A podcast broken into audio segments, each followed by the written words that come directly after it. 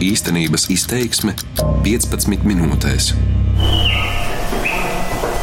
Šodien stāsts būs par vīrieti vārdā Vladimirs Gailis. Centīšos, lai mēģiniet iejusties viņa ādā. Vladimirs ir masieris, 38 gadi, ir ģimene, mazs dēls. Principā visu laiku viņa fonā kaut kāda muzika mums skan. Tagad šī kompozīcija skan, pēc tam būs putniņi, kaut kas tam līdzīgs, lai relaksētos. Vladimiram kopš bērnības ir problēmas ar redzi. Profesionālo izglītību ieguva Rīgas medicīnas koledžā, divas dienas nedēļā strādā par masieri bērnu rehabilitācijas centrā Poga, taču ikdienā vada uzņēmumu Vespā. Vēburts nosaukumā nozīmē vita jeb dzīvība vai veselība, nevis Vladimirs, kā daudzi domājot. Tiekamies pie Vladimira uzņēmumā Rīgas klusajā centrā. Labdien, esmu Latvijas radio Annija, bet jā, pie Vladimira. Pie jums. Pie. Pēc papīriem Vladimirs vada divus uzņēmumus, kas atrodas vienās telpās - skaistumkopšanas salonu un ārstniecības iestādi. Kopā ir septiņi darbinieki. Vladimirs ir gara auguma brillēs, gaišiem īsiem matiem ar bārdu, to gan audzējis speciāli, jo grasās prezentēt bārdas kopšanas līdzekli, ikdienā bārdu nenēsājot, tumši zilā darba apģērbā, speciāli nevalkot baltu, lai neasociētos ar ārstu. Pierunā arī mani uz masāžu. Es gan spītīgi pretojos, tomēr Vladimirs izrādās spītīgāks un kādā brīdī saprotu, ka man vairs nav pretargumentu. Vladimirs vēlas, lai uz savas ādas izjūtu, kā viņš strādā. Noguļos uz masāžas galda un turpinām sarunu. Vladimirs izstāsta, ka masāžu apguva speciāli izstrādātā programmā vairedzīgiem cilvēkiem pirms pieciem gadiem. Mācījās divus gadus. Cik zināms, Vladimiram no 24 cilvēku kursa profesijā strādājot 17. Kā jūs mācījāties grupā, piemēram? Tam, kas neredz vai kas slikti redz, viņš pasniedzējs lika uh, savas rokas, mēs likam Uh, uz pasniedzēju rokām un atkārtojam no sākuma to paņēmienu, pieņemsim, jā. Vai nu vienkārši jau, kad tu saproti, kā jādara tas, jau tu sāc darīt, un pasniedzējs vienkārši tevi jau paņem aiz rokas un pakorēģē parāda, ka biki maigāk vai tieši vairāk stiprāk vajag to visu Viņam ir spēcīgas rokas, necenšas būt maigs vai izdabāt. Ja parasti vajadzīgi masieri viņi jūt labāk. Kā smejamies, nopratino arī vairākus Vladimira kolēģus. Olga Krēsliņa arī ir masiere. Ar viņu sarunājos nelielā darbinieku virtuvītē. Man patīk, kā, nu varbūt tas progress nav tik strauši, jā, bet slēnāk to taisa lai tas būtu nu, vairāk patīkami. Vladimirs viņš jūt, kur vajag, viņš kā nospiež uzspiež. Bet paliek labāk. Pēc trim dienām tu skrien tur, kur vajag. Nu, tā viņš strādā. Nu, ļoti labi. Ļoti labi man patīk. Jā. Un viņš ir godīgs cilvēks. Tas man ļoti patīk. Tāpēc mēs arī varam strādāt. Jo mums vispār tāda komanda te ir savākusies, ka mēs varam viens otram ticēt. Arī Vladimirs aizrautīgi un ar mīlestību stāsta par darbu, kā patīk būt gandarītam par paveikto, palīdzēt bērniem. Daudz stāsta par pieejamajiem pakalpojumiem uzņēmumā, jaunām ierīcēm un procedūrām. Tas mūsu tāds spā sirds. Jā, tas ir spēku kabinets. Un te vēl silti ļoti. Jā, te, protams, ir eh, arī silti. Aizved arī nelielā ekskursijā. Vienā no kabinetiem atrodas dziļa gaiša zaļa vanna. Tas ir duņas, kuras tiek pielietas klāt, piperņu vannas.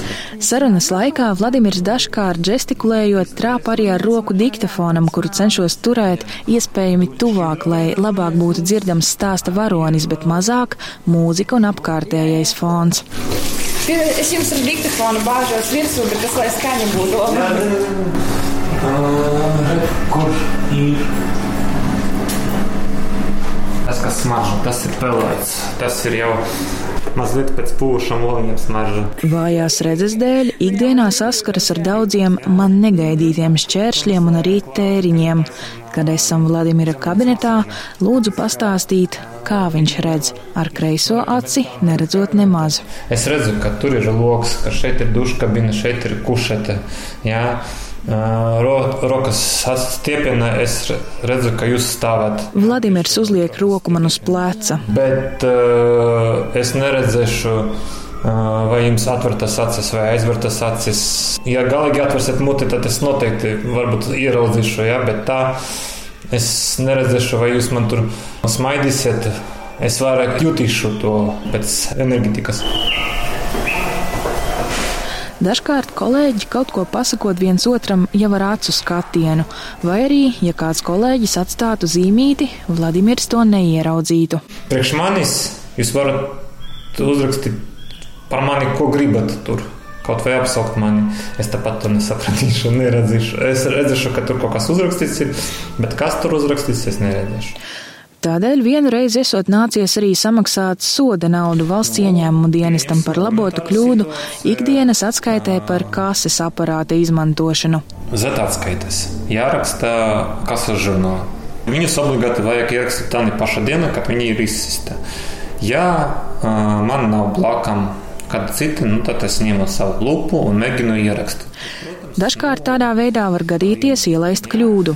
Un viņi vajag ierakstīt uh, kases žurnālā, kur tur rakstīs bez skaidras naudas, uh, skaidras naudas, nu, visas pa sekcijām, viss tur vajag sarakstīt. Nu, tur daudzas rindiņas ir. Nu, un tu dažkārt skaties, ah, vajag tur 40 eiro ierakstīt tur.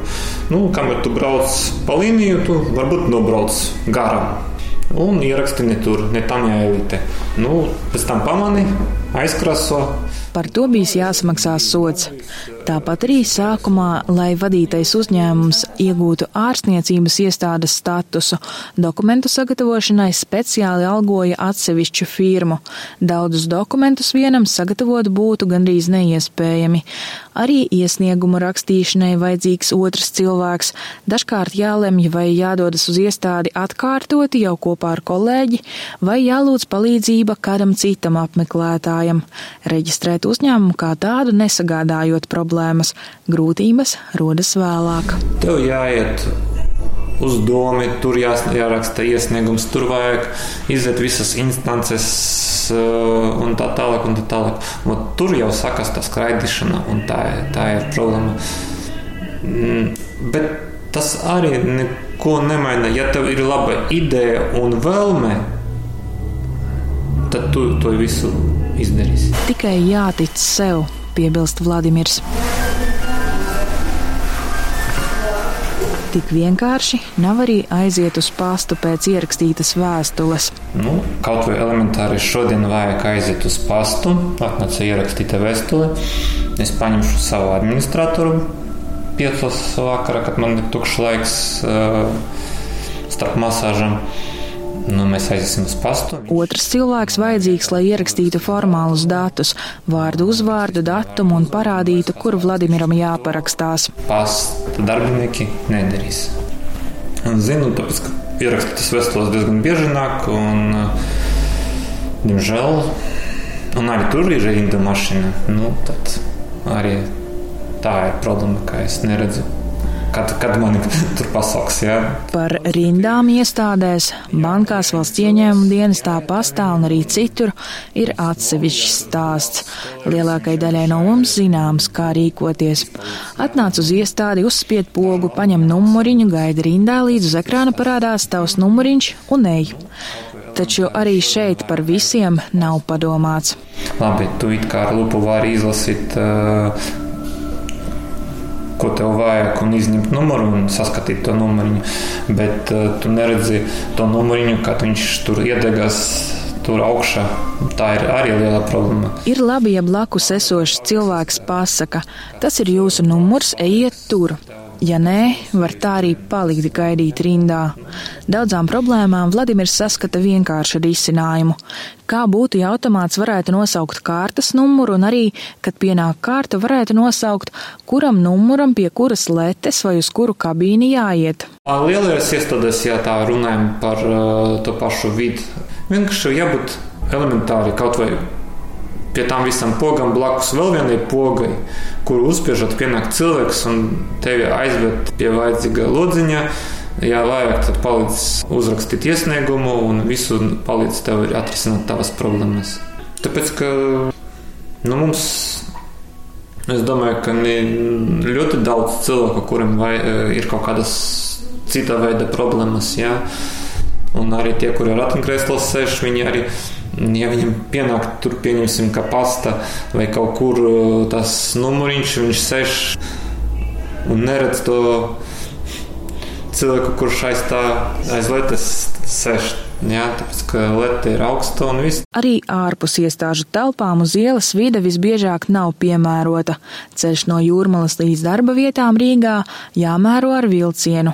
Asistente ir sieva, kas arī pavada viņu no darba uz mājām. Vladimirs norāda, ka par diviem eiro stundā gandrīz neviens izņemot ģimenes locekli par asistentu būtu nepiekristu. Asistentam maksā uh, naudu tikai nu, kā lai pasakāt, kura ir piešķirta, pieņemsim, nokļūšanai no mājām uz darbu un no darba uz mājām piešķirtas attiecīgas stundas, un tu nevari variet ar to laiku. Svarīgi būtu dzelzceļa stacijās uzlikt vairāk soliņu, uz kuriem varētu apsēsties, tajā skaitā cilvēki ar invaliditāti. Arī tablo ir augstu uzlikti, un burti uz tiem ir salīdzinoši nelieli. To var izlasīt arī ne katrs vecāka gada gājuma cilvēks. Tādēļ atsevišķu sarakstu varētu uzlikt arī acu līmenī, uzskata Vladimirs. Gadu gaitā gan ir notikušas arī pozitīvas pārmaiņas, kuras Vladimirs ir pamanījis un vērtē atzinīgi. Pirms desmit gadiem, pieņemsim, mums nebija neviena praktiski luksafora, kurš pikstē, kad gājām pāri. Ja? Tagad visi jauni luksafori pikst. Nu, paldies, tas atvieglo. Tāpēc, ka es pārvietojos ļoti bieži un, un dzirdu, zinu, es pats jūtos drošs, ka viss ok, ka var iet. Mašīnas Vladimiram pamanīt ir grūti. Paldies mūsu CSDD, ka viņi ir pieņemuši likumu, ka vajag braukt visu diennakti ar gaismām. Ja? Respektīvi, es pamanu gaismas, nevis to pašu mašīnu. Ja? À, ir gaismas, значит, stāvu un man Vienalga, man var kolēģis pateikt, mēs jau desmit reizes pāriesim pāri, viņš vēl tālu ir. Es nevaru to saprast, vai cik viņš ir tālu. Bet ne viss vēl ir atrisināts. Rekur šeit pat uz stūra stāv ceļa zīme. Viņa uz, uz ietves atrodas, un viņa ir pelēkā, pelēkais stāps. Nu, es domāju, aplimēt viņu ar uh, dzeltenu skoču vai ar dzeltenu krāsu, apzīmēt, ka tas ir stāps. Nu, tas maksātu nu, cik divus eiro. Vladimirs uzsver, salīdzinot ar ceļu remontu izmaksām kopumā, aplīmēt pāris desmitus stabu izmaksātu ļoti lēti. Arī auguma dēļ, kas ir ap 1,90 m, Vladimiram gadās ieskriet ceļa zīmēs. Biki virs acu līmeņa ir, un tu nepamani un ietricies ar galvu pret to zīmi. Nu, tas ir tāds sapīgs uh, pasakums. Mana pieredze trīs brīles ir sadalītas tā. Nu, tāpēc, ka nepamanīju, un ir kontakts. Arī man pašai, iegrimstot domās, ir gadījies ieskriet stabos.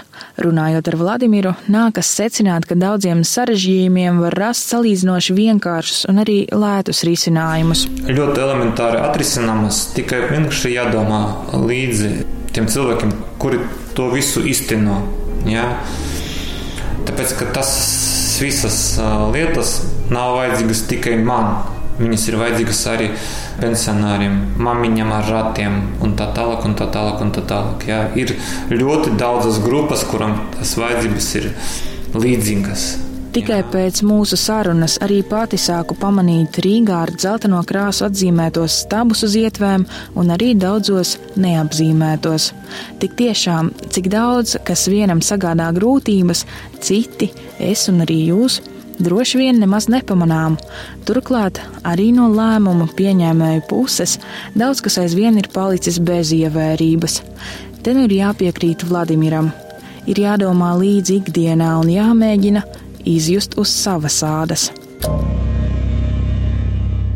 Raidījumu veidoja Anija Petrova, par labskaņu rūpējās Uldis Grīnbergs. Darbības vārds īstenības izteiksmē izsaka darbību kā realitāti. Tagatnē, pagātnē vai nākotnē, vai arī to noliedz.